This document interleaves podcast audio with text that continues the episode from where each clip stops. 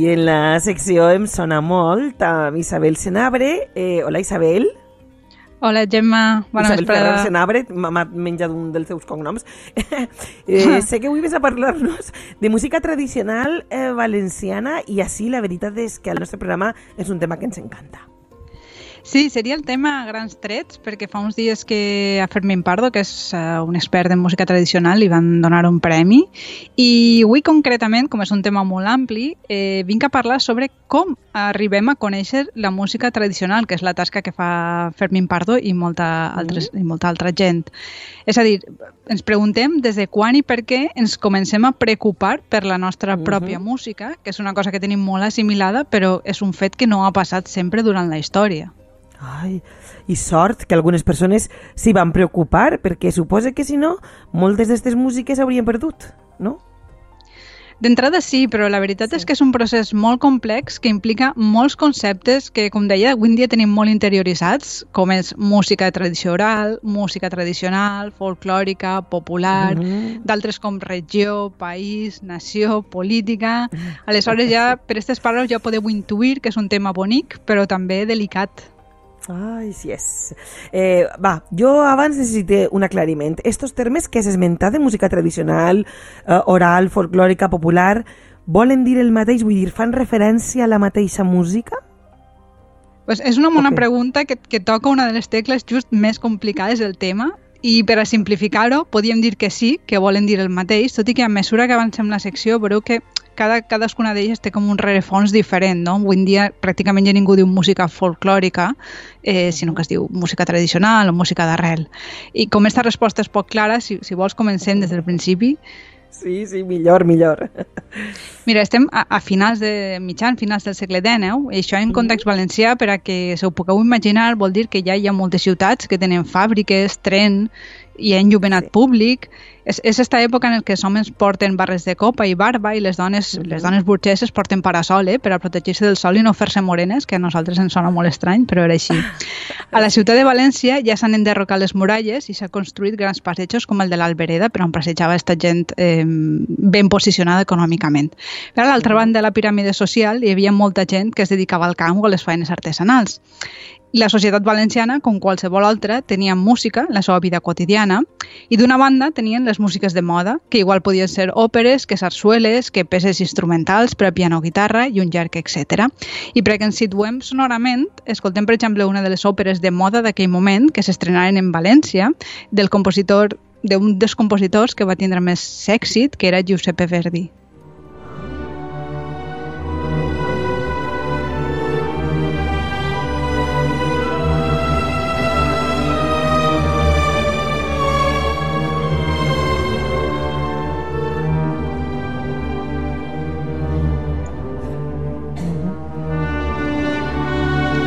Això és l'obertura de La Força del Destino, que és molt coneguda encara avui en dia.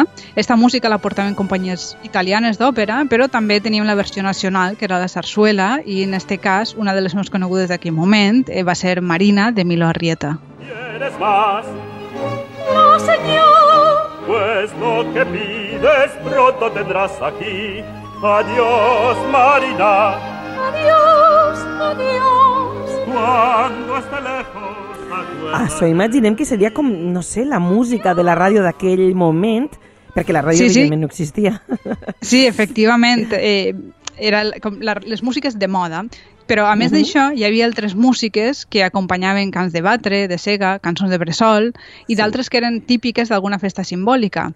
I si bé nosaltres Mhm. totes aquestes les separem, la, la gent d'aquell moment, en la seva vivència quotidiana, en realitat anava incorporant-les i a l'hora de cantar mm, o de posar-les en pràctica no li preocupava massa d'on Mhm. venien i de quina era la seva procedència. Les incorporaven i ja està.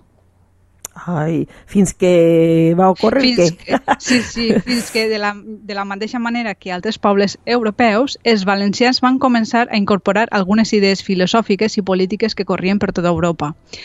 Entre altres, aquestes idees partien dels pensaments d'un filòsof que li diuen Johann Herder. El senyor Herder creia, per dir-ho d'una forma molt resumida, eh, vaig a resumir-ho molt, que cada nació tenia un Volgeist, que en alemany vol dir esperit del poble. És a dir, cada poble tenia una personalitat pròpia i immutable que es mantenia a través del temps. I aquest esperit, segons, segons sempre Herder, eh, es mostrava a través del de que anomenem nosaltres avui dia cultura popular, que són les llegendes, les cançons, la gastronomia o els costums de cada, de cada comunitat i, com no, la música. I aquest conjunt de coses, en aquell moment, en, en el segle, ja pràcticament en el segle XIX, es va passar a anomenar folklore, és a dir, coses del poble, que ve de l'alemany volk, que és una paraula d'arrel germànica que, que també trobem en anglès, que, que folk, que vol dir gent, poble. Uh -huh. I, I amb aquestes idees, què és el que va passar? Doncs en música vol dir que alguns intel·lectuals de l'època començaran a preocupar-se uh -huh. per cercar aquest esperit del poble, no? És a dir, quines eren les músiques sí. que eren pròpies del poble valencià i emmagatzemar-les en els mitjans que tenien aquella època, que no eren altres que les transcripcions al paper. Això vol dir que feien una selecció que ells consideraven que de les músiques més representatives la passaven uh -huh. a una partitura i apuntaven la lletra perquè no tenien una altra forma de guardar-les. Clar. I copiaven totes les músiques o només una tria? Perquè és clar, copiar-les totes seria quasi, no sé, impossible. Sí, això, un dels problemes sí. principals serà això, quines músiques copiem, no? Com, com podem Clar. saber, com podem intuir quines són més antigues, quines no? I de fet és que és impossible saber quines músiques són pròpies de cada comunitat de forma exclusiva. De fet, hi ha trets que comparteixen diverses comunitats i, per exemple, un, un, això, un exemple molt clar és uh, una meravella que escoltarem ara, que fins i tot eh, hi ha qui apunta que podria ser un nou himne. Mira si corre Guterres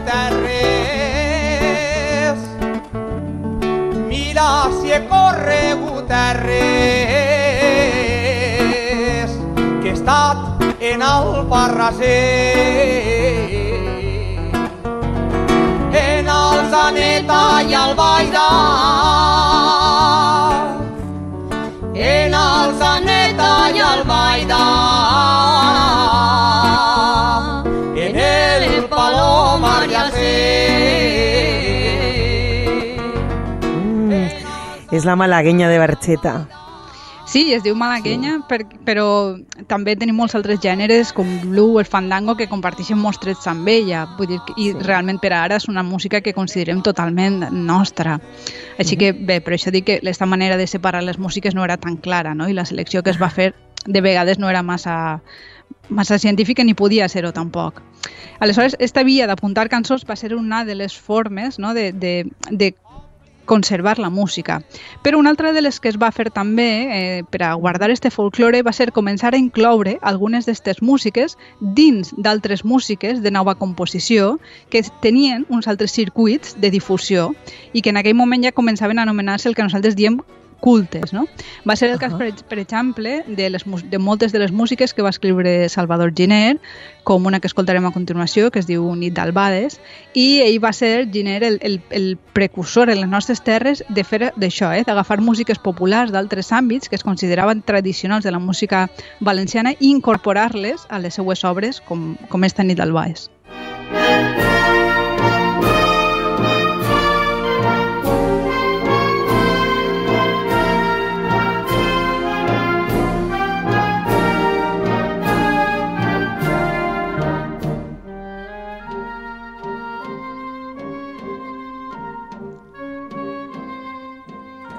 Mare, aquestes obres les hem escoltades moltes vegades, Isabel. Sí, sí, és els grans sí. èxits de la música valenciana i, entre altres, gràcies al gran paper de les bandes que, mm -hmm que difonent-lo, no? que són de les més interpretades de, de, del repertori. I ho són perquè en aquell moment, com he dit, hi havia molta preocupació per anar-les recollint. Per això, a poc a poc, es van anar sistematitzant els sistemes de recollida de música. I les primeres recerques, això més o menys sistemàtiques per a, per a ampliar totes aquestes músiques, les trobem en excursions que feien intel·lectuals de l'època a través d'associacions com ara l'Orrat Penat, que ja existia en aquell moment, però aquestes excursions tampoc us penseu que anaven molt lluny. Eh? Una excursió, per exemple, podia ser perfectament anar de València a Mislata. Clar, on ja per, als, per a la gent que vivia al centre de València jo, jo era totalment l'horta. Aleshores, uh -huh. este sistema d'excursions eh, va anar perfeccionant-se, però abans ocorre, o simultàniament, un fenomen que els va ajudar molt, i a nosaltres també, a conservar aquestes músiques. Un fenomen, ai. Estem en curiosides. Què és? Doncs s'ha de pensar que estem ja a principis del segle XX i el fonògraf, mm. o els mitjans d'enregistrament i d'escoltar de, música gravada estan més presents, cada vegada més presents en la societat. El que passa és que al principi, quan van arribar aquests mitjans, es va viure com una amenaça, no? perquè d'una banda es pensava com que anaven a, a a, a influir en la música que es feia, que acabaria sent així, no? Eh, però els, els intel·lectuals estaven molt, molt preocupats per la contaminació no? de, de, de la música. Tenim molts textos que mostren aquesta preocupació. Però, d'altra banda, ens vam trobar un altre fenomen, que és que la tecnologia permetia gravar la nostra pròpia música. I quina mm -hmm. música la que es va, es va enregistrar? Aquella que es pensava que es podia vendre per dos motius. Perquè era molt coneguda o perquè eh, també podia vendre als turistes. Aleshores, per exemple, un dels gèneres més beneficiats per aquests per enregistraments va ser el, el cant d'estil.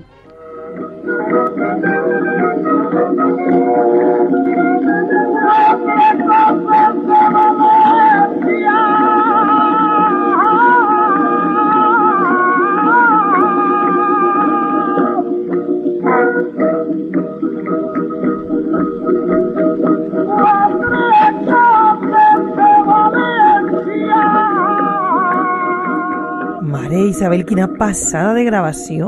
Sí, això crec que és del voltant de 1915, és de les primeres que, que conservem i és un luxe que, que la tinguem, uh -huh. però també va ser el principi dels mecanismes de tradició oral, o sigui, de la música que es passava un poc de, oralment, no? de persona a persona, ja que a partir de l'enregistrament les músiques es quedaven fixades i la transmissió oral va deixar de tindre, de tindre sentit. O sigui, la gravació no era tan perillosa per la contaminació, sinó per aquesta fixació, no?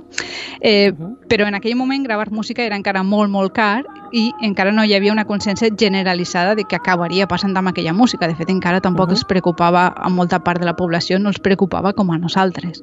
El cas és que fins a la dècada dels 80, de 1980, es va continuar recollint cada vegada més música, però la immensa majoria de casos la recollida continuava sent manual, amb transcripcions de partitures i de lletra. Això feia perdre molts aspectes que les partitures no podien reflectir. I escolta'm, Isabel, eh, i suposa que el franquisme va influir també en tot això, clar. Sí, però no hi ha un acord per a valorar com exactament va influir, perquè de fet els enregistraments són molt d'abans, no? i el franquisme, en, en, en certa manera, per a construir-se es va esforçar per recollir aquestes músiques, però també en va censurar moltes altres. Però sí que va haver equips no? que capitanejats per Manuel Palau, acompanyats de Maria Teresa Oller i posteriorment de Salvador Seguí, que sí que recolliren molta, molta d'esta música i algunes es varen posar en circulació a través dels coros i danzas, que també són coneguts. Però, bueno, com dic, el franquisme era una dictadura i, clar, el que li interessava era construir-se com ell volia construir-se, no tant com era, podia ser la música en realitat. Uh -huh. Eh, i, I quina és la situació avui en dia? Com ho podem explicar? Doncs després de tot el que hem passat, podem dir que la situació és prou bona. Devem molt a la fonoteca de materials, eh, però també tenim els fons de Fermín Pardo, del mateix Botifarra, a més de tota aquesta música, que són fons eh, de música enregistrada, a més de molt, moltes transcripcions. La transmissió oral estricta s'ha perdut, però hem guanyat en aquests tresors i tenim la tecnologia i moltes altres versions que fan grups d'avui en dia i molts altres que en vindran. Ai, i que no es perda. Mare, eh, encara estic emocionada d'haver escoltat una gravació del 1915, estàs dient-me? Sí, al, al voltant, sí, o del, 1915, o més menys? 1920. Sí. Fantàstic. Doncs moltes gràcies. Isabel Ferrer, ara sí, que a des me menja del mm. cognom primer. Com sempre, un plaer eh, estar al teu costat i aprendre i escoltar música. I ara per a la setmana que ve, què? Ja ho tens en ment o no? Per a la setmana que ve estic ahí, estic entre dos temes. Ai. Un paregut, bueno, paregut lligat amb la temàtica d'avui i un altre que no tant. Ho deixo ahí. Ai, es va ser tindre un ai. Sí. Escolta'm, i és vaig a fer-te una pregunta així per a, que, que, eh, i és important, per exemple, per a aquest manteniment de dia. I ara, com, com es conserva? Com ho mantenim? Com està la situació? Portar, per exemple, a concerts com el del Botifarra, doncs això, als nostres fills? Doncs és bàsic, o sigui, és totalment on està les característiques de la música popular moltes vegades no estan tant en, en les característiques de la música en si, sinó en que tinguen una transmissió i un valor identitari. En el moment uh -huh. això es perda, deixarà de tindre sentit, perquè justament es construeix a través d'això, no? de la identitat que els valencians i les valencianes vinculem a, a aquella música. Per tant, mentre continua existint música de consum, com la que fa el Botifarra o altres grups, i gent que l'escolta i crea aquest vincle identitari amb aquesta música, passa un poc com en la llengua. Continuarà existint la música popular valenciana, que és la gran preocupació no? que, que, que es tenia en el moment que es va començar a replegar-la. No parla perquè no estàvem en aquest cas. A més de la dificultat de cantar-la. És que jo recordo la meva germana per una obra de teatre havia d'aprendre a cantar un albà sí, i va perquè... estar el botifarra ensenyant-li i és eh, veritablement difícil és complicadíssim perquè, a més, una de les preocupacions que hi ha avui en dia és que es perden els trets que no coincideixen amb, amb moltes altres músiques europees, no? que tampoc es poden reflectir en la partitura. I sort dels enregistraments, que és on podem escoltar aquestes característiques que a nosaltres ens sonen com, com exòtiques, com àrabs, i que hi ha molt poca gent que sap fer-les, no? com per exemple el botifarra. Però això, per això és un tresor que tenim, eh, estes, esta conservació, aquests enregistraments instruments uh -huh. i, i que els puguem escoltar perquè si no realment sí que és molt difícil perquè en la partitura això no s'aprecia. La partitura no està preparada per a aquestes subtileses de la, que, que té l'oralitat. Ai, fantàstic, com sempre, Isabel Ferrer. Moltes gràcies una setmana més per ensenyar-nos i parlar-nos de gràcies. coses ben interessants. Forta abraçada. Adéu. Fins la setmana vinent. Adéu.